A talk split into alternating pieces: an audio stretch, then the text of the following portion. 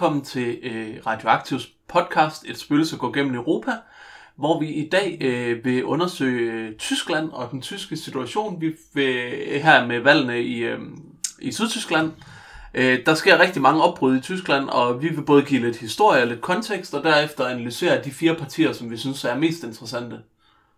Ja, og måske til overraskelse for mange, så griber vi ikke fat i AFD, men, øh, men kigger på, øh, på de to store magtpartier, og så de to, hvad kan man sige, venstrefløjspartier, og prøve at se, hvor er det potentiale ligger, hvor ligger øh, forandringsmulighederne og mulighederne for et øh, bedre samfund i Tyskland. Ja, så vi, øh, vi starter med at snakke om øh, Socialdemokraterne i SPD, og så går vi over til CDU, CSU. Øh, til sidst så vil vi så runde af ja, med De Linke og De Grønne. Ja, og øh, jeg sidder her som sædvanlig med øh, Jakob Lindell Rugård, der øh, øh, har arbejder i fagbevægelsen med internationale spørgsmål, blandt andet har arbejdet en del med de her store handelsaftaler, øh, og så læser han international politik og kommunikation på CBS. Mm. Han øh, har blikket for de store analyser og øh, sådan call to action, når det er nødvendigt. Og jeg sidder her som sædvanlig med Benjamin Bilde Bolsmann, øh, som har læst international historie på Aarhus Universitet, øh, og som øh, har en ufattelig stor viden om øh, europæisk politik, alle mulige forhold øh, og tendenser, øh, som gør, at man kan opspore øh, alle de detaljer, som betyder rigtig, rigtig meget i europæisk politik, og som vi for det meste hører alt, alt, alt for lidt om.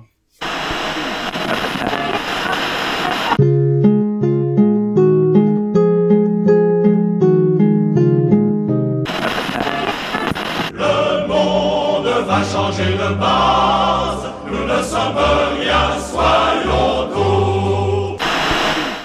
Men lad os starte med at øh, tage udgangspunkt i øh, SPD, øh, det socialdemokratiske parti i Tyskland.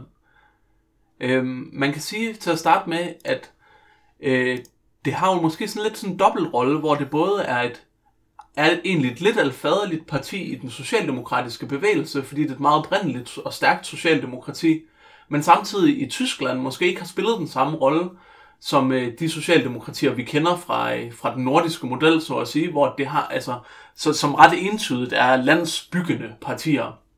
Vi Ja. snakkede om i Sverige, øh, undskyld, men vi snakkede om, øh, at øh, i Sverige-udsendelsen, at, øh, at Socialdemokraterne stort set sidder på magten uafbrudt øh, fra 30'erne til øh, slut 70'erne, for eksempel. Ja, og det gør de ikke, øh, SPD i Tyskland.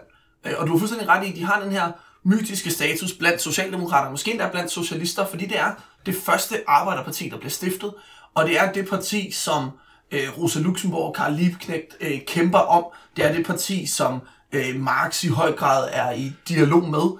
Øh, så mange af de store navne, Bernstein, alle de her øh, ikoniske figurer i den tidlige venstrefløjhistorie, den tidlige socialistiske historie, det er noget, der kredser omkring det tyske socialdemokrati. Øh, men det er rigtigt, at, øh, at hvis vi ser på historien, så er det i høj grad øh, kristendemokraterne og andre konservative partier i forskellige afskygninger, der har siddet på magten. Selvfølgelig også med socialdemokrater indimellem.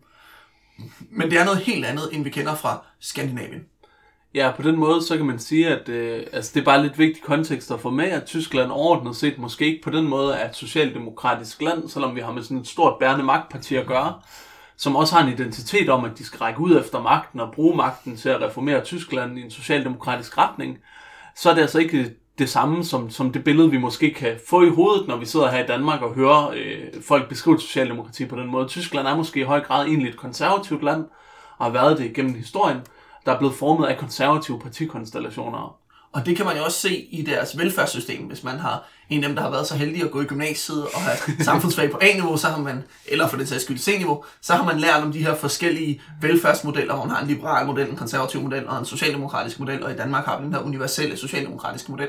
Og i Tyskland, der har man bare den her konservative, korporative model, hvor det er bygget op omkring familien, bygget op omkring arbejdsmarkedet, og hvor det er nogle andre værdier, der er kendetegnende for, hvordan vi indbygger samfundet. Ja, Kirken, ikke mindst. Ja, hvor det er op til virksomheden ligesom at tage ansvar for, at du har stabilitet i dit job, ikke til staten og velfærden, og sikre dig en sikkerhedsnet, hvis du bliver fyret, så at sige. Ikke? Præcis. Ja. Øh, historisk, sådan den nyere historie for Socialdemokratiet, og der øh, sætter vi nok skillet for nyere tysk historie omkring øh, 1991, altså med genforeningen af Tyskland, øh, der ser vi jo, at øh, Hel- Helmut Kohl bliver siddende på magten den, øh, øh, fra de konservative kristendemokraterne. Men så får man jo i 90'erne Gerhard Schröder ved magten, som øh, kommer til magten i sådan en alliance med de grønne, øh, og som er en del af den her 90'er socialdemokratisme, der skyller ind over hele Europa med Blair og på Nyrup og Gerhard Schröder og alle de her forskellige politikere. Ja. Og ligesom dem, så ser man, at, at det er også en socialdemokratisk bevægelse, der i hvert fald, øh, når man står og kigger tilbage på den, øh, er præget af mange modsætninger.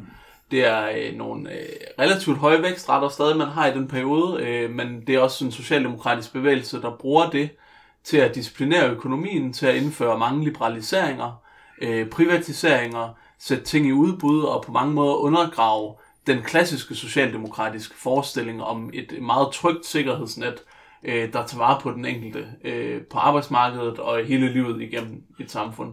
Ja, og det er jo en af de store problemer for Socialdemokratiet, det er, at de ved indføre i øh, 2003 indførte de tre sådan, arbejdsmarkedsreformer øh, under navnene Hartz øh, 1, 2 og 3. Øh, og så først, det, de træder i kraft 1. januar 2003, og er så noget, øh, der skal, øh, altså det samme vi ser altid med det her, altså flexicurity uden security, altså Ja. mere fleksibilitet på arbejdsmarkedet og mindre sikkerhed.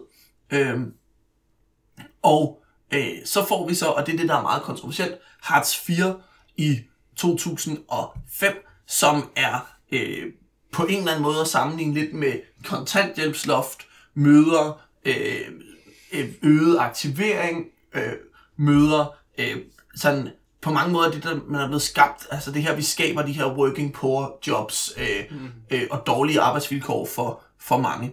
Øh, og, øh, og det er jo noget, der har været meget kritiseret i både øh, i samtiden var det sådan noget, der, der virkelig var opmærksomhed omkring, men også siden, at det ligesom var Socialdemokraterne, der har skabt den her forringelse af vilkårene for almindelige arbejdere, især dem, der bliver arbejdsløse.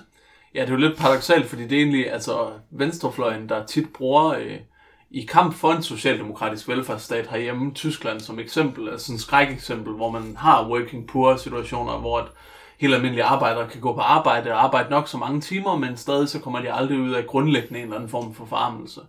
Men en del af det stammer simpelthen fra den der Hartz 4-reform, øh, hvor at, øh, at inden vi begyndte at optage, der kaldte du det korridoren på speed, eller sådan, men man allerede i 2004-2005 begynder simpelthen at gennemholde sikkerhedssystemet, begrænse kontanthjælpen, øh, scannet på dagpengelignende ydelser, og underminere sikkerhedsnettet så meget, at arbejderklassen står i en meget, meget svag forhandlingsposition, dermed ikke kan forhandle sig til stærke, øh, ordentlige jobs.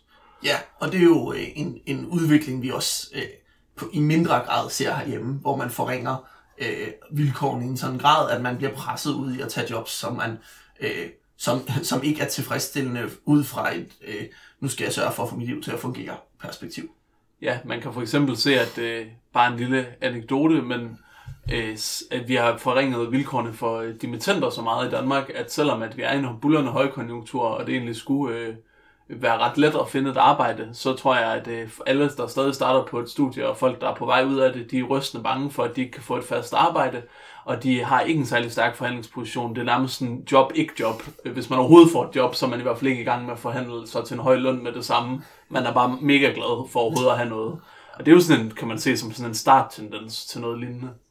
Ja, det er jo den ene udfordring for Socialdemokraterne i Tyskland. Det er, at de har lavet de her reformer, som øh, i hvert fald øh, i høj grad i dele af fagbevægelsen og blandt øh, de udsatte borgere, blandt arbejdsløse og blandt arbejdere i øh, prekære situationer er meget upopulær. Så den anden udfordring, det er jo det her med, at de i flere omgange har siddet i regering med Angela Merkel. Mm. Faktisk så har tre ud af de fire regeringsperioder, øh, Merkel har siddet i, har været på socialdemokratiske stemmer. Ja, og øh, den sidste har været sammen med øh, FDP, FPD, FDP. FDP, ja, øh, som, øh, som vi ikke kommer særlig meget ind på, men vel er sådan en slags lidt liberal alliance-agtig, Ja, altså det er jo sådan noget, der radikal. ja, tidligere var det her liberale midterparti, der kunne lidt af hvad, og så lidt af hvert, og så er blevet mere liberal allianceagtigt. Ja.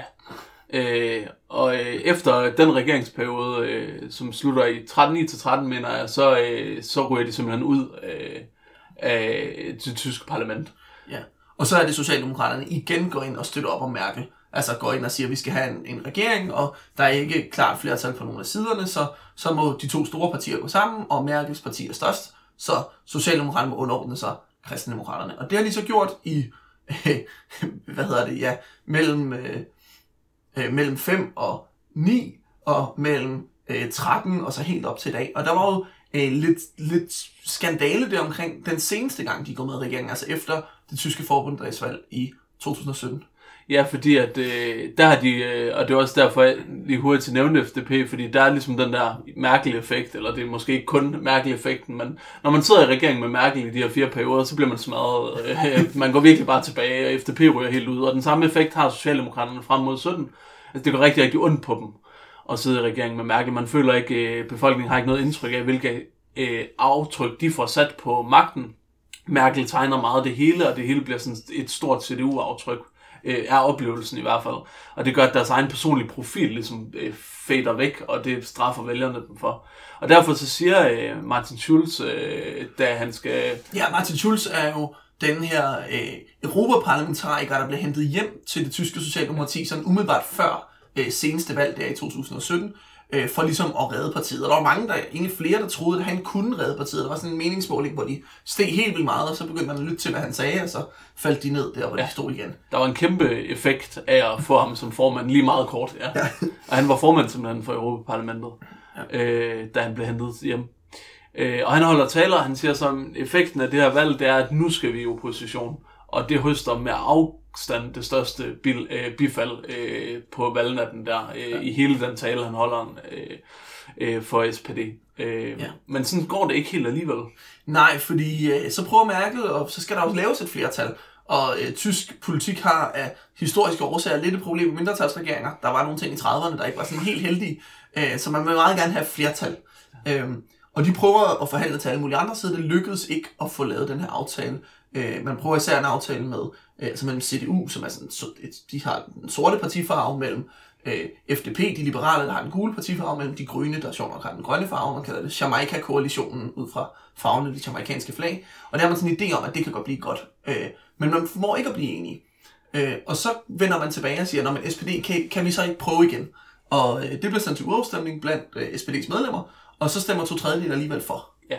Også lidt øh, i en disciplinerende proces, eller hvad man kan sige, altså fordi det var jo et, et medlemsgrundlag, der egentlig gerne ser dem i opposition, og ser dem udvikle mere klassisk socialdemokratisk politik, øh, og have en større forskel til CDU, men i den situation, hvor der ikke rigtig er særlig mange alternativer, øh, og hvor at øh, Alternative for Deutschland er kommet ind på det tidspunkt i parlamentet øh, med kæmpe brag, Øh, og det er også vigtigt at holde dem, altså ikke at nogen overvejer alt at arbejde ja, sammen jo, med dem. De er jo det her øh, DF-agtige parti, men med lidt flere brune skjorter, lidt mere øh, øh, nynazisme i, øh, i bag, øh, i rygsækken, øh, som, som er blevet store i Tyskland. Lige præcis. Og i en tysk kontekst, hvor man slet ikke er vant til at have den her slags partier på grund af historien, kan man sige. Så det er også sådan, i sig selv chokket, at, at det parti kommer ind.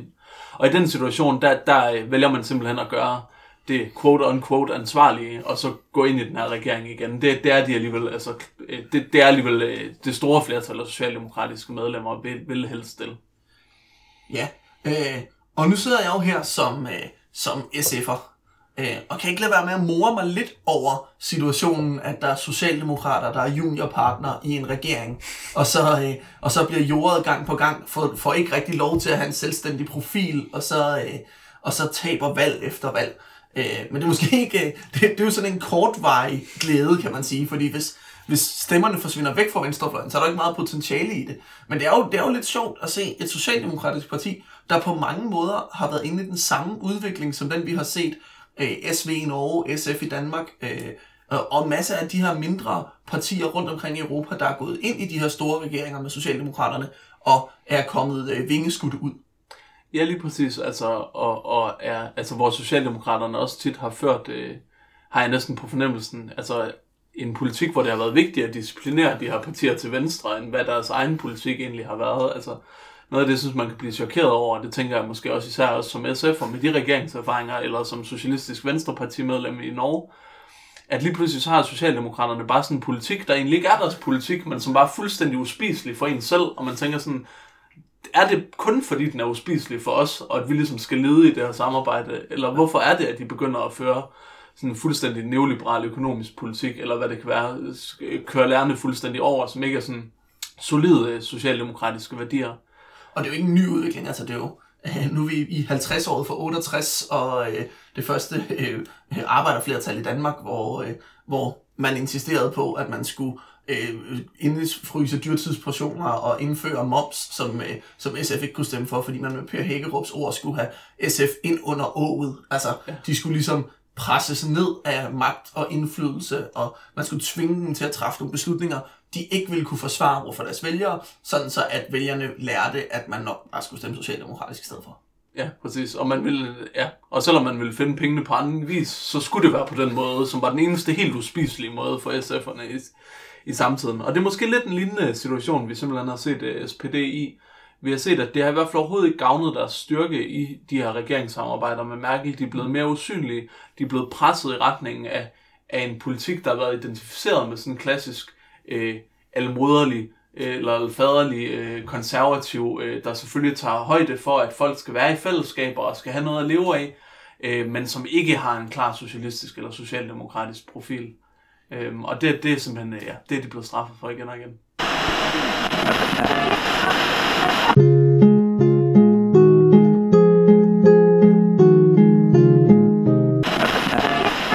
Le monde va changer de base, nous ne sommes rien, soyons tout. Og det er jo en fin øh, overgang til det næste parti, vi øh, skal snakke om, nemlig øh, CDU-CSU. Og det skal måske lige en kort forklaring på, hvad det handler om. Det er fordi, at man i øh, Bayern, som er den store sydtyske provins, den største øh, lænder i Tyskland, Hvor folk er noget så konservative. ja, der er det ikke fint nok at være en del af det andet kristendemokratiske parti. Der skal man ligesom også sit eget kristendemokratiske parti, som, øh, som har sit eget navn, har sin egen landsmøder, og så øh, altid stemmer sammen med det, der gælder i resten af landet. Så man har altså to kristendemokratiske partier i, i Tyskland. Man har øh, øh, kristendemokratiske øh, union, som er det øh, som er det store, det der gælder i resten af landet, og så har man den kristne sociale union i Bayern, som ikke er særlig social, men til gengæld øh, hænger sammen med resten. Ja, og man kan sige, øh, ja, vi har jo været lidt inde på det, men det her det er et parti, der har været meget, det, det har været, måske spillet den rolle, og har i, måske også i tysk øh, forståelse, øh, lidt en parallel rolle, som Socialdemokratierne har spillet hos os. Det er øh, øh, simpelthen øh, ja, landsfaderpartiet på en eller anden måde. Det er dem, der har haft magten, eller deres overbevisning, eller lignende partidannelser, som CDU, der har haft magten i længst tid. Øh, og det er også dem, der naturligt går ind og spiller den ledende rolle i de der regeringssamarbejder med andre partier. Øh, Merkel har jo været sådan det der, øh, jeg tror, at øh, øh, hun nogle gange bliver kaldt der ypermutti, eller sådan noget. Hun er sådan alle moderen, som alle øh, tyskere kan øh, føler sig ligesom omfavnet af på en eller anden måde, og som øh, ser alle tyskere og tager lidt vare på hele landet, og guider landet sikkert igennem øh, stormfulde farvande, og guider hele Europa igennem stormfulde farvande osv. Det er sådan rigtig, øh, rigtig familieagtigt magtparti. Sådan. Ja, men jo et familieagtigt magtparti, der i øjeblikket står over for en del udfordringer. Øh, Blandt andet i deres øh, hjem, eller øh, nede sydpå, hvor de plejer at få den aller stærkeste tilslutning. Ja, altså man kan sige, at det store problem her øh, i år har jo været, øh, at der her i øh, oktober, altså for øh, kun en, et, to, en måned siden, var parlamentsvalg i øh, Bayern. Og det er sådan traditionelt, så får øh, CSU, som sådan er den bayerske fløj af øh, CDU slash CSU, de får absolut flertal i øh, parlamentet dernede, og så slipper man for ligesom de der regeringsforhandlinger, for så kan de bare sidde på magten.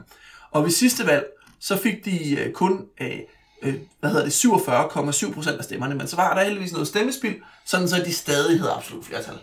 Øh, men den her gang, der gik det øh, helt anderledes, og de kom ned på 37,2 procent af stemmerne.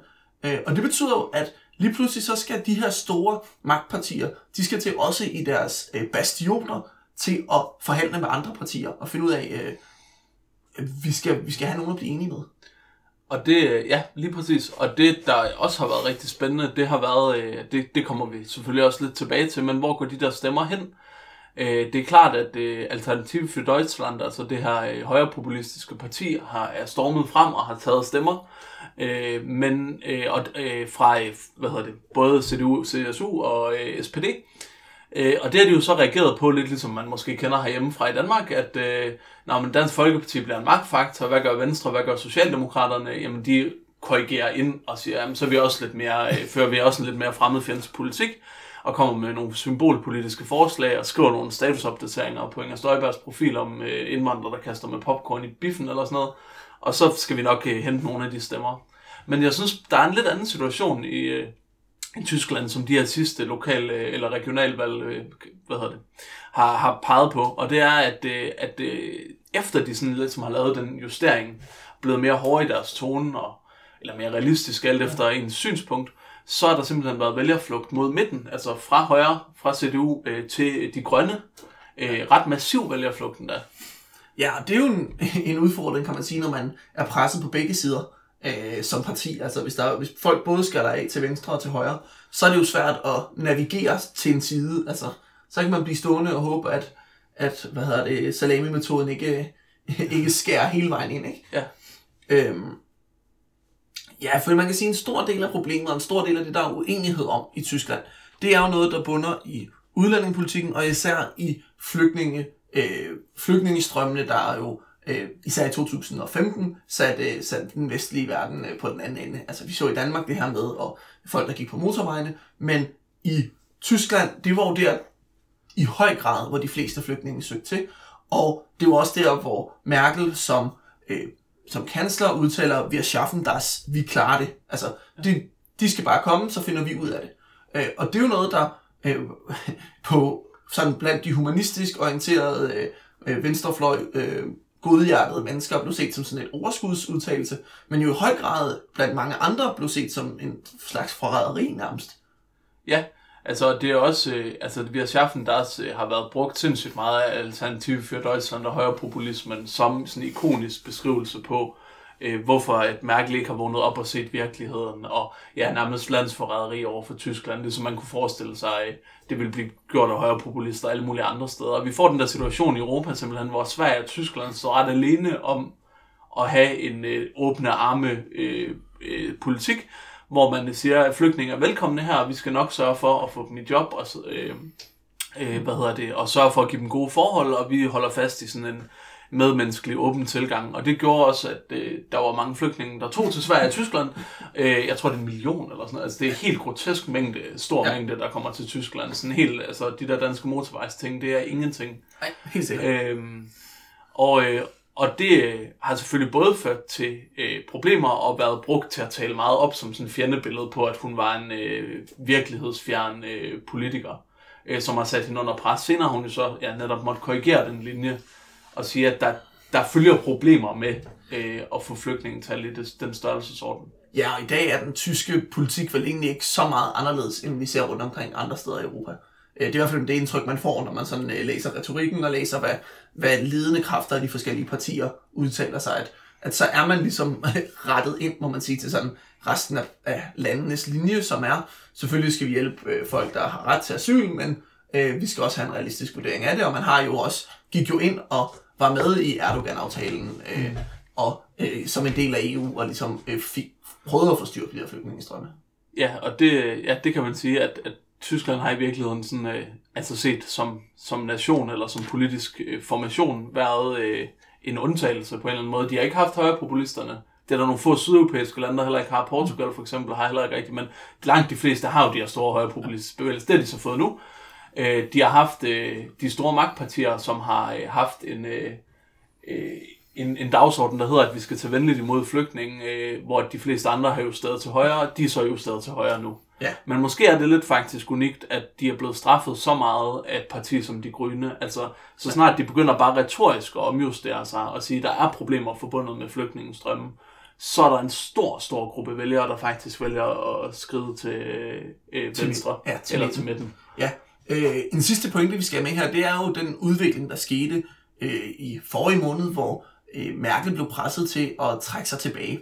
Ikke som kansler, ikke lige nu, men meldt ud, at hun til næste øh, CDU-kongres der skulle vælges en ny formand, og, øh, og med det logisk følge, at hun nok ikke bliver siddende hele den her periode, der var 17 til 21, men på et eller andet tidspunkt i den periode måske trækker sig tilbage, og i hvert fald ikke genopstiller som kansler i 21. Ikke at det er den store overraskelse, hun har siddet i. Øh, det er fjerde periode, hun sidder nu som, øh, som kansler, men, men det er jo også et, et symbol på det her skift, ikke? Altså at, at der alligevel har været så massiv bevægelse internt i Tyskland og internt i hendes eget parti, at hun er blevet nødt til at trække sig tilbage. Hvilket var relativt utænkeligt for ikke så lang tid siden. Eller selvfølgelig siger du, altså sådan, hun kan heller ikke sidde for evigt, vel, men hun har haft nærmest en altså unik magtposition. Det har været helt utænkeligt, at hun på et tidspunkt ikke skulle sidde der, og hun har været meget øh, ultra-europæer og ultra-internationalist, men også virkelig sådan en magtikon i Tyskland, som har været nærmest urokkelig. Og det er virkelig blevet undergravet nu, som du siger. Ja, og det er jo, det er jo ikke kun i Tyskland, hun har haft det, som du siger, det er også det internationale blik. Altså det, er jo, det var jo sådan, da, da Trump blev valgt som præsident, så sagde man, øh, den frie verdens leder er nu Angela Merkel, ikke? Altså, vi, nu flytter vi fokus til Tyskland. Storbritannien har givet op med Brexit. USA har givet op med Trump. Øh, Frankrig ved vi ikke, hvad er. Øh, øh, det er Tyskland, hvor vi har en solid base, hvor vi ved, hvad vi får, og hvor man kan stole på, hvad der bliver meldt ud. Og der kan man sige med Merkel, der trækker sig tilbage, og et kampfald mellem 3-4 forskellige øh, fremtrædende, tidligere fremtrædende politikere i øh, CDU, så, øh, så er det jo ikke sikkert, at man ved præcis, hvad man får nu. Lige præcis.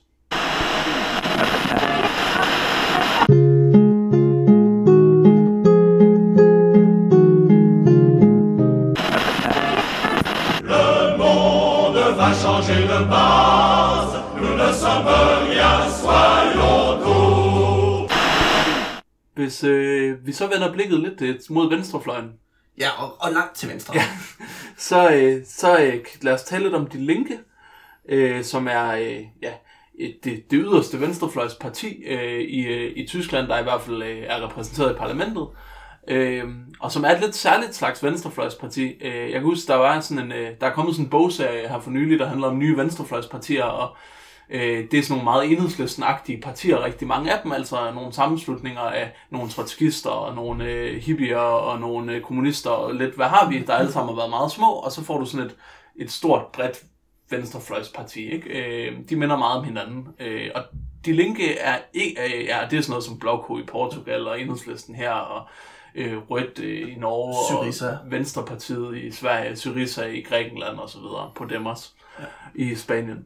Men de linke er ikke helt den samme slags parti. Øh, både opstår det en del senere, og så har det sådan lidt syret skabelseshistorie, faktisk. Ja, enten opstår det jo senere, eller også opstår det jo noget før.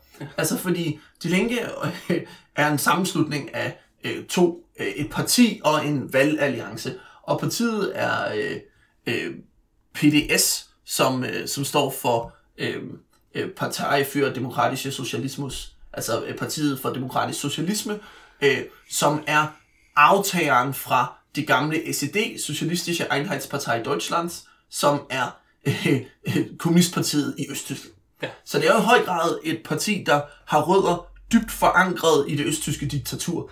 Øhm, og øh, i 89, øh, eller der, der lukker man så SED, øh, og så starter man et nyt parti med mange af de samme mennesker, og øh, i høj grad mange af de samme idéer.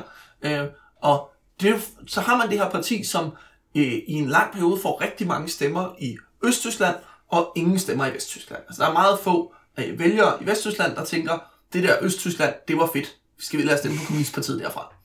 Øh, men det, der så sker op i nullerne, det er, at den øh, tidligere socialdemokratiske finansminister, øh, Oscar Lafontaine, øh, bryder ud af Socialdemokratiet, altså laver en, en splittelse til venstre, og laver en valgalliance, hvor de stiller op til kommunalvalg, regionalvalg, øh, og, og sådan skaber noget opmærksomhed omkring det her med, at vi kan lave noget, der ligger til venstre for Socialdemokratiet noget, fordi Socialdemokratiet har haft er forrædere, og det spiller jo i forlængelse af de her Hartz 4-reformer, eller Hartz-reformerne. Ja, er Øhm. også få år efter det, kan man Ja. sige. Ja.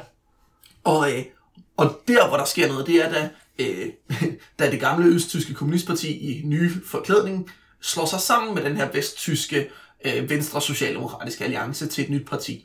Og på den måde minder det jo lidt, kan man sige, om øh, SF's dannelse med sådan en, en stor gruppe tidligere kommunister og en lille gruppe venstrefløjs socialdemokrater, der mødes og skaber noget nyt. Ja, bare øh, øh, rigtig, rigtig mange år efter. Ja, ja, altså det er 2007, de bliver officielt et parti. De eksisterer til noget valg før det som sådan en valgalliance. Ja. Altså en valgalliance, hvor i en anden valgalliance indgår. Det er, det er lidt noget, altså det, det er til gengæld meget enhedslistenagtigt Ja. op, opstart. Det må man sige. Men ret syret, altså vi har simpelthen en situation, hvor Venstre Socialdemokrater med gamle østtyske kommunister starter et nyt venstrefløjsparti. som jo får øh, overraskende succes, tror jeg. Altså, der var ja. mange, der sagde, det, det er dødfødt, man kan ikke få stemmer i Vesttyskland, hvis man har den her arv med. Og det er der stadig steder, steder i Vesttyskland, man ikke kan. Men der er altså også mange steder i Vesttyskland, hvor man kommer over spærregrænsen til parlamentsvalgene, og hvor man er repræsenteret, hvor man får mandater til øh, de nationale valg. Og det var man jo ikke i nærheden af før. Så på den måde har det jo været en succes. Ja, øh, jamen det må, man, øh, det må man helt sikkert sige. Øh, men det betyder også, at vi har med et lidt andet slags parti at gøre på nogle andre måder. Altså sådan, det er et ret øh, struktureret hierarkisk parti. Øh, det har stadig den der komo-tradition lidt mere med sig. De har ikke som sådan haft øh, og sådan en socialdemokratisk partidisciplin, det ligesom er blevet fusioneret med. De har ikke på samme måde haft. I Danmark havde, øh, var VS en stor del af grundlæggelsen af, af hvad hedder det, enhedslisten, og dermed kom der den her auto, anti-autoritære strømning, ja. var meget vigtig fra starten. Og den strømmer jo også igennem, altså, jeg, øh, altså hvis man læser på SF's historie, så er det også sådan øh, nogle ret store konflikter der, da blomsterbørn og øh, hippier begynder at komme ind i SF, og ligesom står op imod de her gamle kommunister og gamle fagforeningsfolk, ja. og hvor man ikke er helt enige om det, altså hvor der er ledende folk, der siger ting som, øh, øh, jeg ved fandme ikke, hvad alle de der kvindegrupper skal til for, de har aldrig haft et eneste originalt forslag, de her bare for at ødelægge det for ellers andre, der arbejder hårdt, ja. og sådan nogle ting, ikke? Præcis. Og, øh, Og den tradition, altså ikke dem, der er vrede på, øh, på hippier, men den her frisindede, altså fri, den frisindede bevægelse, som vi har i, som er en del af SF's historie, men jo også en del af Enhedslistens historie gennem VS, den er der ikke. Nej, den er der nemlig ikke på samme måde. Og derfor øh, er vælgergruppen også, tror jeg, en andre, altså anderledes, end vi ser med enhedslisten. Altså, nu øh, er vi jo blevet landstækkende partier og alle mulige ting i, i det gode enhedslisten, men stadig så kan man godt se, at vi får flere stemmer øh, i, på Nørrebro end Holstebro. Øh, og øh, og det, det, det bør vi nok med. Altså, det er stadig et byparti i en eller anden forstand, øh, i hvert fald hovedsageligt. Øh, der er det altså mere, meget mere øh, helt, helt klassiske arbejdervælgere, og stadig også med en klar østtysk dominans, som de linke øh, har. Ja. Øh, ikke særlig mange i de store byer, heller ikke så mange i Vesttyskland, ikke nogen i Sydtyskland. Kan jeg. ja, men rigtig mange i Østtyskland, og de har også i lange perioder siddet i de her øh, øh, regional, regionale forsamlinger, siddet med flertal med Linke og øh, SPD, hvor de ligesom i fællesskab har kunne arbejde sammen i Østtyskland. I Vesttyskland, der er det en helt anden historie. Ja, og derfor har De Linke også været ret presset af fremvæksten af Alternative für Deutschland, det højrepopulistiske parti i Tyskland, øh, hvilket ville være ret utænkeligt i Danmark. Altså det er ikke sådan, at vælgerudvekslingen, øh, jeg tror i enhedslisten kunne vi ønske os, at vi huggede stemmer for DF. Vi hugger ikke rigtig stemmer for DF, og der er fandme heller ikke særlig mange vælgere, der sådan går fra enhedslisten til Dansk Folkeparti. Men en del af de stemmer, som øh, Alternativ for Deutschland har hugget, har de faktisk hugget fra de linke, for det er klassiske arbejdervælgere, øh, vælgere, som har følt sig øh, svigtet af, hvad hedder det, eller bange af at opleve en stor øh, øh, flygtningsstrøm øh, og svigtet af det sociale system, og ikke øh, set udsigt til nogen som helst forbedringer, og ikke har troet på, at de linke ligesom har kunne repræsentere det. Den anden vælgergruppe, og de giver også nogle andre vælgerforskydninger, de er simpelthen presset af det yderste højre. Ja, så der er vi ude i den der, øh, hvor, hvor enderne mødes, kan man sige, i hvert fald i forhold til, hvor stemmerne forsvinder hen. Ja. Fordi det er rigtigt, der er ikke mange, der hopper fra Linke til Merkel, men der kan være nogen, der hopper til øh, AFD, og nogen, der hopper til øh, Socialdemokrater og Grønne. Ja. Øhm, ja, og det er jo interessant i forhold til også, hvad det er for nogle arbejdervælgere, der flytter. Altså, fordi mit indtryk er, at det mere er sådan industriarbejdervælgerne, mm. der stemmer Linke, hvorimod at de vælger, hvis der er en overførsel fra øh, DF til øh, venstrefløjen, så er det mere inden for sådan de, øh, de kortere uddannede øh, offentlige medarbejdere. Altså, så er det sosu-medarbejderne, pædagogmedhjælperne, sådan nogle ting, hvor der kan være noget, noget flytten rundt fra DF til øh, SF og Enhedslisten. Øh, men her der er det industriarbejderne, der flytter. Ja. Øhm, og jeg kan da også huske i forhold til den der partikultur, hvis vi lige tager fat i den igen, at øh, jeg har været til flere sådan nogle internationale øh, møder eller internationale konferencer, der har været arrangeret af SUF i tidens løb, øh, hvor at øh, de linke nogle gange har været med, og nogle gange var de ikke med, og generelt så, så var der sådan en relativt kritisk øh, øh, linje til de linkes ungdomsparti, øh, og noget af det handlede simpelthen om, at øh, noget af det var nogle politiske uenigheder, blandt andet i forhold til uafhængighedskampe i Europa, var de Linke øh, ret, eller blev øh, ret meget imod, og vi var meget sådan øh, frit Katalanien og frit Baskerland og frit alt muligt. Øh, og det var de ikke, øh, så vi havde sådan nogle europæiske eller internationale pu- øh, uoverensstemmelser simpelthen. Men der var også noget med den der, det, altså selv de der ungdomsledere, øh, de var nogle meget store ledere, og de førte sig frem på en meget autoritær måde, øh, for så vidt, som var altså, hvor Sufa er jo den fuldstændig grotesk diametrale modsætning, at man kan ikke helt finde ud af, hvem der er ledelsen nærmest overhovedet. Er der en ledelse, Øh, der er en ledelse, en kollektiv ledelse. okay. Men det var der ikke, det var der måske også i de linke, men der var også helt klart nogle øh, stærke frontfigurer, som satte skabet på plads, og så et hæppekor rundt om.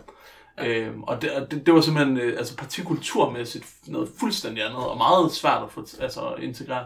Og det er også en af grundene til, at jeg tror, at SF har haft svært at samarbejde med Linke. Altså, SF har jo sådan øh, historisk set øh, præg Pia Olsen Dyr og præg Margrethe Augen i Europaparlamentet sådan været en del af den her øh, den parlamentsgruppe Europaparlamentet, for eksempel, der hedder GUE MGL nu, og tidligere har heddet Communists and Friends, og hvad det nu ellers har haft af navne, øhm, og ligesom opfattet som et venstrefløjsparti. Men en af grundene til, at man er flyttet øh, over i det grønne, er jo også en, at man ligesom har haft svært ved de her ekskommunisters måde at være parti på. Mm. Øh, så jeg tror, det er en erfaring, man, man deler. Altså simpelthen, det er svært at samarbejde med, med, med, med dem, og i, måske i højere grad også øh, ekskommunistpartierne fra, øh, fra Østblokken. Men, men, men også de her store dominerende parti, som Linke jo bliver i europæisk kontekst, fordi Tyskland jo bare er et stort og dominerende land. Ja, lige præcis. Man kan sige, at den sidste ting, vi måske lige skal øh, berøre, øh, det er, øh, at øh, der, der er ved at ske en ny øh, udvikling i Linke, eller det er sket efter det sidste valg her, efter Alternativ for Deutschland kom ind, øh, hvor at, øh, som hedder Aufstehen, øh, hvor at, øh, hvad, en, øh, en markant øh, linkepolitiker, der hedder Wagenknecht, som, som tror jeg, hvis man... Øh, øh, jeg, jeg har læst nogle analyser af, hvis man ser på medietilstedeværelse og sådan noget, er den mest profilerede politiker øh, overhovedet i det linke lige nu, øh, er i gang med at lave sådan et, et en, eller forberede et øh, valgsamarbejde, nyt, en eller anden ny overlægger over de linke, som man kan stille op på baggrund af, i stedet for kun at stille op som de linke. Altså noget, der minder en lille smule måske øh, teknisk, organisatorisk om øh, La France Insoumise i, øh, i Frankrig, hvor Jean-Luc Mélenchon, deres præsidentkandidat, stiller op på baggrund af en platform af øh, folk, der både bare gerne vil have ham som præsident, og så folk, der er medlemmer af nogle forskellige venstrefløjspartier, og nogle er ikke, nogle øh, støtter bare valgalliancen om at få ham ind som præsident. Men det er jo ikke kun sådan et teknisk, hvordan stiller man op øh, projekt, hun har gang i. Der er også et, et klart politisk øh, Helt bestemt. projekt, som jo er, øh, som, øh, hvad kan man sige, på en eller anden måde øh, minder om, altså jeg skal give sådan en dansk kontekst, så er det vel sådan en, øh, en Nils Jespersen-agtig linje. Han har lige udgivet en bog sammen med Mikkel Andersen, eksperimenter, der slog fejl om dansk øh, øh, udlænding og in, in, integrationspolitik. Og, øh, og det er vel sådan en, en linje, han er socialdemokrat og har den her position, at øh, udvikle, altså øh, indvandring og flygtninge rammer især underklassen, og hvis ikke man gør noget ved det, så kommer der fascisme. Mm. Og det er jo også øh, på nogle punkter, eller i hvert fald den linje, som, øh, som øh, Wagenknecht ligger. Ja, man kan sige, øh, det, der har været helt vildt meget polemik på venstrefløjen om Wagenknecht, og, og, jeg, og jeg må ikke, jeg må indrømme, jeg er ikke fuldstændig orienteret i alle, hvordan alle udtalelser af hende ser ud og sådan noget, men, men det jeg har forstået, det er nemlig, altså på en måde, analysen er lidt, altså nu, jeg synes man gør hende øh, uære ved at sammenligne hende med andre sådan noget, Niels Jespersen, men, men at, at analysen er, at hvis man ikke gør noget, og der kommer store flygtningestrømme, så vil det føre til en undergravning af øh, velfærdssystemerne, øh, og, øh, og det vil føre til, at folk orienterer sig mod højre populistiske partier. Så det, man sige, det er på en måde lidt det samme. Så det, hun har kaldt på, også som jeg forstår det, øh, som jeg ikke hører øh, for eksempel Jespersen og, og Mikkel Andersen kalde særlig meget på, det er, at man laver for, at det betyder ikke, at man skal lukke grænser nødvendigvis, men det betyder, at man skal foretage massive nye investeringer i infrastruktur, øh, i velfærd, i uddannelse, i alt muligt, så kan det eksperiment ligesom godt lykkes med ikke at slå fejl. Men hvis du har en politisk situation, hvor du står øh, og er i gang med at afvikle din velfærdsstat, øh, samtidig med, at der kommer mange flere til dit land, der har brug for uddannelse, der har brug for psykologhjælp, der har brug for øh, at øh, komme i job, øh, og du ikke investerer massivt, så fører det til øh, problemer. Øh, og det er øh, også blevet enormt øh, kontroversielt øh, i de linke, eller sådan splittet partiet lidt. Ja, for det er jo interessant, fordi det kan man sige i en dansk kontekst, så, øh, så vil det udsagn, altså øh, der er brug for investering i velfærd, øh, hvis vi skal kunne tage godt imod flygtninge, er jo sådan øh, grænsen til fuldstændig ukontroversielt på venstrefløjen.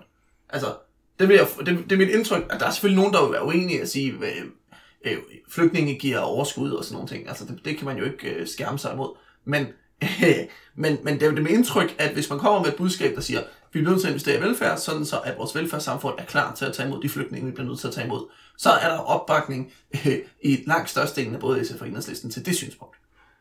Ja, det tror jeg også, og det, det der så er spændende, øh, og som er svært, synes jeg, at vurdere, det er, hvor ligger man ligesom vægten i det? Ligger man vægten på, at det vil sige, at vi tror ikke rigtigt på de investeringer, så derfor må vi hellere lukke grænserne, eller lægger vi vægten på, at øh, selvfølgelig skal alle have lov til at bevæge sig, men det kræver, at vi laver fuldstændig offensive investeringer.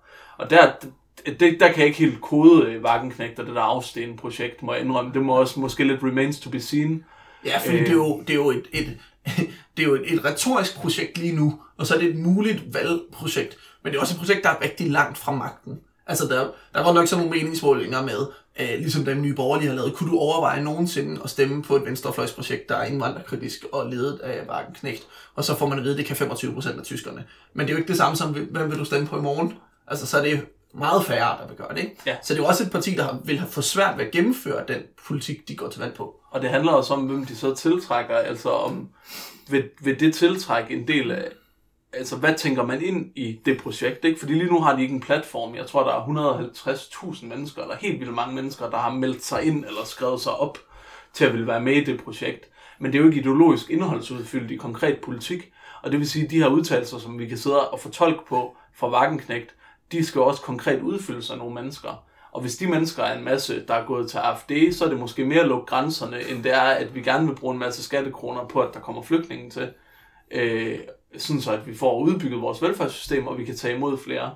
Og hvis det bliver udfyldt af nogle andre, så kan det være, at vægten bliver lagt et andet sted. Øh, og, og det er det, der sådan er meget op i luften nu, ikke?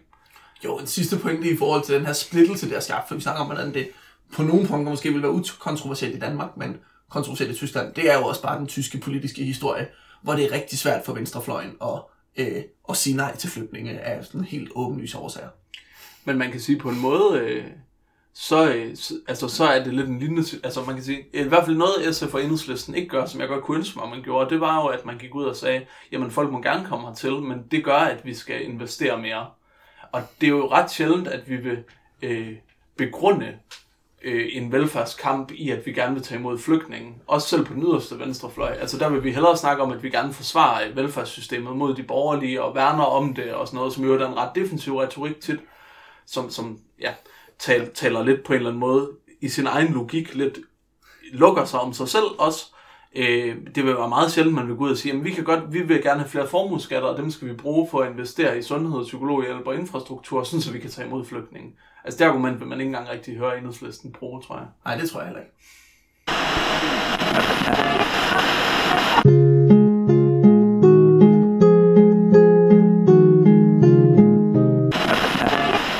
Le monde va changer de base, nous ne sommes rien, soyons tous. Sidste parti, vi prøver at kigge på, det er det store succesparti i Tyskland for tid. Øh, de Grüne, eller som de officielt hedder, øh, De Grüne Bündnis 90, øh, som øh, ligesom flere af de andre partier er en samme, sådan to partier, der har stået sammen. Øh, et, øh, et grønt parti, der stammer tilbage fra 68, med en særlig historie, som øh, du kan ind på lige om lidt. Øh, og så Bündnis 90, som er sådan et, øh, et intellektuelt østtysk parti fra omkring øh, tiden omkring øh, Tysklands samling, med altså intellektuelle, der ikke var socialdemokrater, ikke var konservative, men i hvert fald heller ikke var kommunister. Mm. Øh, så sådan en, øh, en, en, nogle partier, der har stået sammen her. Det er jo også muligt, kender man erfaring, at kende intellektuelle, der hverken er kommunister, konservative eller socialdemokrater. Men øh, ja, de grønne starter i, øh, hvad hedder det, der omkring 68, og egentlig starter som, øh, er min fornemmelse, et ret radikalt politisk projekt. Altså, øh, det er øh, virkelig sådan, øh, øh, ja, ud af ungdomsoprøret, og det handler om en fuldstændig øh, gennem radikal omlægning af vores øh, samfund til en grøn omstilling, og det mener man meget konkret, altså det er sådan set øh, samfundsstrukturerne, det er sådan set kapitalismen, man er inde og udfordrer, øh, som støtter op om, at vi svinder vores klode til at producere farlige atomkraft og alt muligt andet lort, som de vil af med. Det er en del af systemet, og systemet skal på en eller anden måde ligesom omstyrtes i en eller anden grad. Det er der selvfølgelig forskellige strømninger, der er forskellige grader radikale, men hele projektet er relativt radikalt. De benytter sig meget af strategier som blokader, direkte aktion, sabotage, altså alle mulige sådan, det var også en, en anden lidt mere vild politisk tid, kan man sige. øh, altså, Ja. eller aktivisme, det er en meget, det er jo radikale former for aktivisme, det også er. Det er helt simpelthen de her, øh, øh, ja, aktivister og blomsterbørn af 68-generationen, der vil et helt andet samfund. øh, Joschka Fischer, der var øh, de grønnes udenrigsminister i under Gerhard Schröder-regeringerne i fem- 90'erne, han øh, blev på et tidspunkt sådan konfronteret med, at, øh, at han var en del af besætbevægelser, de kastede en sten mod politiet, og hans svar var, øh, ja, selvfølgelig gjorde vi det, de var nazister i Vesttyskland i 68. Ja. Altså sådan, det er stadig folk, der var nazister under krigen, der sidder på politiet, og den måde, de opførte sig på, retfærdiggjorde, at vi kastede en sten mod dem. Og det er alligevel sådan et, altså, der er et stykke derfra, og så til det radikale venstre. Det må man sige. Der er ikke så mange radikale udenrigsminister, der har sagt lignende ting i, i dansk Helveg. politisk historie. det er svært at forestille sig. Ja. Øhm, og så, så tager de vel, kan man sige, altså, der er vel en hovedbevægelse, der så øh, frem mod, at de opnår politisk repræsentation i parlamentet, og fra der og videre øh, til moderne tid, øh, hvor de ligesom øh, bliver mindre og mindre systemoverskridende eller systemkritiske. Men det handler om selvfølgelig en grøn omstilling, men mere en grøn omstilling, som vi kender råder nu, hvor det bare betyder, at altså, det kan fuldstændig eksistere inden for kapitalismens rammer, og det kan bare betyde, at vi subsidierer grøn energi en lille smule, og prøver at sætte lidt barriere på vores emissioner og sådan noget. Så det, altså, det er et meget mindre radikalt projekt. Det, det er ikke et systemoverskridende projekt overhovedet, og de glæder os fra at være sådan et aktivistisk kollektiv på den yderste venstrefløj i en eller anden art, til at blive et solidt midterparti. Ja, og man kan sige, de har jo, øh, de var sådan nogle, der ikke rigtig indgik i regeringssnakke, indtil de så kom ind i Gerhard Schröder-regeringen i 90'erne, og var en del af den her øh, centrum-venstre opblomstring i Europa, hvor de så blev en del af den socialdemokratiske regering, havde udenrigsministerposten, havde flere andre ministerposter. Øh, men det er jo ikke der, hvor vi ser sådan det store potentiale lige nu for de grønne. Det er jo i høj grad mod højre, hvor øh, udviklingen er gået i den retning, at flere delstater, blandt andet øh, Hessen og Baden-Württemberg, der har man alliancer mellem CDU og de grønne. Altså sådan en, øh, en øh, grøn-svarts koalition. Ja, og man øh, altså, har simpelthen politikeren i front for Baden-Württemberg i, øh, i det grønne. Øh, øh, der sidder man simpelthen på øh, ja, forbundsstatsregeringsmagten øh, med Winfried Kretschmann, øh, som i øvrigt også er en ret kontroversiel figur internt, fordi noget andet, og det tror jeg også bare kendetegner Tyskland i rigtig høj grad, ligesom vi sagde med de linke, masser af stemmer øst, ikke så mange stemmer vest, nul stemmer cirka syd. Altså, det er meget opdelt, hvilke politiske strømninger man tilhører. Og de grønne har et vanvittigt stort spænd stadigvæk. De har ikke den samme sådan, halvantikapitalistiske tendens, men de har øh, stadig sådan, det, man kunne kalde sådan, solide SF-aktivister som medlemmer. Og så har de øh, Winfried Kretschmann der, som øh, holder hånden over dieselindustrien. I, øh, der er stor dieselbilsindustri i, i Baden-Württemberg. Ja, og, Og, som øh, kalder sig selv for øh, grøn konservativ. Altså, som altså, placerer sig på sådan en Connie Hedegaard-agtig politik. Øh, og der, altså, Connie Hedegaard er tit populær på venstrefløjen, fordi hun siger noget, som Søren Pape ikke gider høre. Men der er alligevel et politisk ret stort et spænd fra øh, Pia Olsen Dyr til Connie Hedegaard. Det må man sige. Og det er simpelthen også spændet i øh, de grønne, og så med sådan en radikal formation øh, i midten af det. Ja. Øh, så det er simpelthen, ja, den fra venstre til højre og hele den, den brede midte. Og så, øh, som du siger, et meget øh, altså, øh, højt uddannet vælgersegment. Øh, Og det er jo der, hvor de sådan får den store fremgang her for tiden, fordi de er jo gået helt amok i meningsmålingerne. I omkring, øh, hvad hedder det, omkring juli, sådan før sommerferien, der lå de til sådan en 10-12% af stemmerne i meningsmålingerne, og det har de så fordoblet øh, siden da.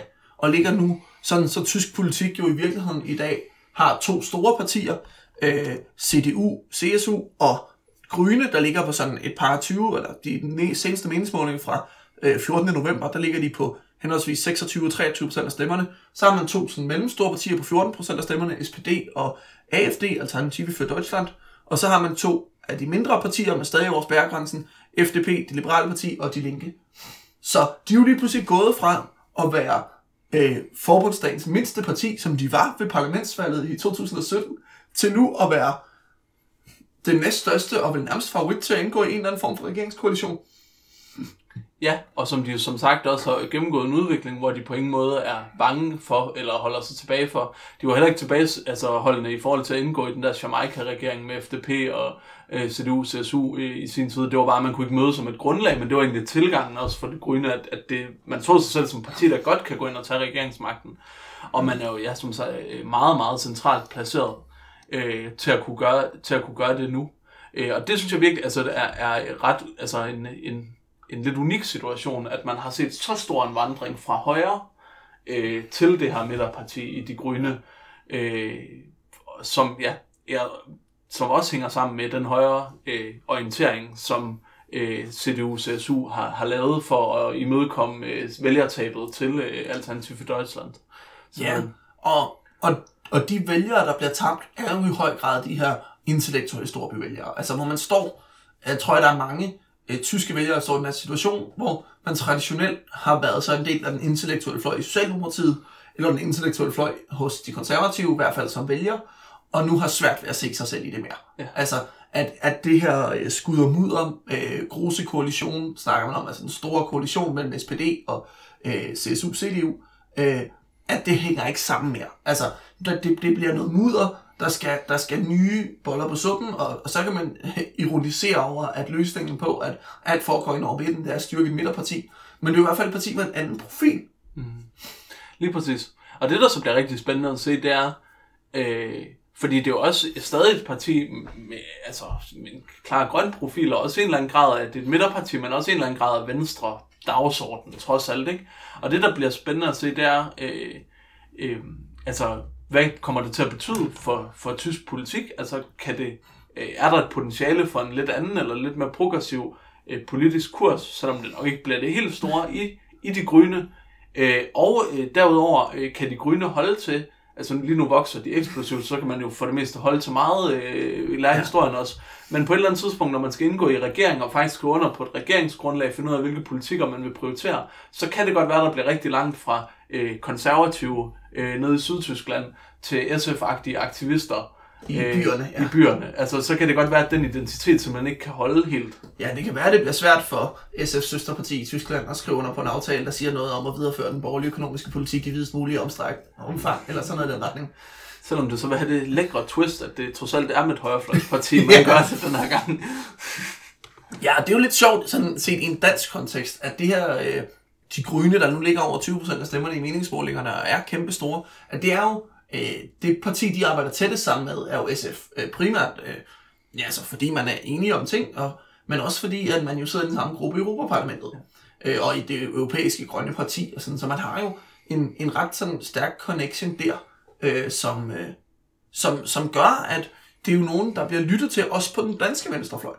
Altså, at når, når de grønne siger noget, når, når SF holder landsmøde, så kommer der talere fra øh, de grønne, enten parlamentet eller øh, det tyske parti, der er gæster til vores landsmøder. Øh, man inviterer dem med til, til, øh, til kurser og sådan nogle ting. Så der er jo en udveksling af idéer og tanker, øh, både med ungdomsparti og med voksenparti, så at øh, det her store, øh, kan man sige, succesparti i Tyskland, jo også kan risikere at få en, en indflydelse på øh, dansk politik. Altså på den måde, som internationale samarbejder nu har indflydelse, det er nogle gange begrænset, men altså, der er jo en, en direkte connection til den danske venstrefløj, på trods af, at meget ser ud til, at de skal indgå en regering med de borgerlige efter næste valg. Og gør det nu i delstaterne. Ja. Ja, sådan er det jo, når man øh, kigger mest til de, den grønne bevægelse øh, i Europa. øhm, men ja, det er jo en virkelig spændende, altså det er, det er en spændende udvikling, der er i tysk politik, hvor man føler, at alt, der har været mejslet i sten, øh, er sandheder om tysk politik. Man har ikke rigtig en højere populisme i tysk politik. Øh, Merkel som en rørlig figur gennem så lang tid, jeg nærmest kan huske. Øh, et stort, stolt socialdemokrati, øh, der godt nok ikke har haft regeringsmagten sådan i brede, brede strokes, men har haft det ofte og har været definerende for hele den socialdemokratiske bevægelse og med en stærk og stolt selvfølelse på venstrefløjen. Øh, alt sammen er i opbrud Øh, og og øh, der sker helt øh, ja, underlige parlamentariske situationer nede sydpå, hvor de plejer at være ekstremt konservative. Der går de en masse mod midten til det her grønne parti. Øh, Merkel går af, og der er generelt bare sådan meget opbrudstendens i, øh, i det land, der måske har været et af de mest stabile politiske lande, trods alt i Europa, i en tid, hvor at, øh, europæisk politik, øh, alle mulige andre lande, har været radikalt omdefineret. Det synes jeg er en- en god måde at slutte af på, det er lige at prøve at løfte den på det her niveau, fordi hvad får de her konsekvenser for den europæiske politik? Altså man kan sige, helt konkret, der kommer et europaparlamentsvalg her, hvor man må forvente, at den yderste højrefløj med AFD og øh, den grønne gruppe bliver styrket i Tyskland, og dermed sikkert også i parlamentet, fordi de fylder så meget. Men øh, det her med, at man måske mister noget af stabiliteten, som Tyskland har bidraget med, gør også EU til, øh, til kan måske flytte noget magt over mod Macron, øh, og med Brexit, så er det, så er det spørgsmålet om, om, om vi får mere sådan et, et centrum, der flytter sig rundt i europæisk politik, i stedet for at det ligger i Frankfurt hos den tyske centralbank. Ja, altså man kan få, altså det, det tror jeg, det bliver rigtig spændende. Altså det økonomiske centrum ligger nok tungt i Tyskland stadigvæk, men det er rigtigt, at der er noget politisk ustabilitet, øh, som kommer ind nu. Hvem kommer til at definere for CDU? Jeg tror egentlig ikke, det bliver vanskeligt, eller altså måske kan det gå ud over øh, de grønne, og de kan lede den næste, næste, næste generations Merkel-effekt. øh, men jeg tror sagtens, man kan finde på sådan et lidt kedsommeligt øh, centrum højere grundlag med CDU. Men stadig så er magten ikke så stabil, og hvor du har en figur som Macron i Frankrig for eksempel, der sidder på et gigantisk flertal i parlamentet på grund af Frankrigs obskure valgregler, som vi måske kommer ind på på et tidspunkt, og som øh, har den her ekstremt stærke, også idémæssige branding, som Europas frelser på en eller anden måde øh, selv øh, og styre en hård linje per dekret, og uden nogen rigtig øh, egentlig stærk opposition i parlamentet. Der er det jo en meget, meget mere ustabil øh, parlamentarisk situation, der er i det tyske parlament, som også kan destabilisere den lederrolle, man på en eller anden måde har i Europa. Ja, der kan man sige, der er det jo trygt, hvis man vil bruge det ord om EU i dag, at, at øh, der trods alt er en regeringskoalition, der varer så længe Merkel sidder på magten. Og så må vi se, hvad der sker efter det. Men øh, de næste øh, års tid, tror jeg, vi kan forvente, at der, der kommer til at være ro på, og CSU, CDU, som det store konservative parti, stadig kommer til at sidde på magten. Men der er i hvert fald grøde og forandring på vej, og det er noget, der er værd at følge med i, også her i Danmark. Og en af grundene til, at vi laver en spøgelse gennem Europa hos Radioaktiv, at vi skal prøve at holde øje med, hvad er det, der sker ude omkring i Europa, som påvirker Danmark, men som øh, vi måske ikke hører så meget om øh, fra dag til dag i Radioavisen eller TV-avisen. Præcis, og det betyder noget, ja, både noget for venstrefløjen øh, øh, her og, og der, og, det, øh, og i Tyskland, og jeg tror også, det er derfor, øh, for bare lige at sætte en, en note til det, at man ser det der afstenende projekt, fordi det er ligesom alt er i opbrud, og man kan ikke have det der lidt støvede gamle linke, selvom det egentlig er ret nyt. Altså, der bliver også nødt til, øh, eller jeg ved ikke, om der bliver nødt til, men jeg tror, ideen er, at der skal ske noget nyt der, for at man kan komme med i den her nye udvikling på en eller anden måde. Og det bliver også ekstremt spændende for venstrefløjen her at holde øje med, øh, om det bare bliver en grotesk fuser, der kommer til at destabilisere et parti og spille en masse stemmer, eller om det bliver en eller anden nyorientering på venstrefløjen i øh, Europas øh, stærkeste land. Og det øh, får vi at se hen over de næste par år. Øh, ja, vi takker mange gange for, at I lyttede med, og øh, håber, I vil lytte med igen om en måned, hvor vi kommer med et nyt afsnit af Et spøgelse gennem Europa, Radioaktivs Europapolitisk podcast. Ja, tusind tak.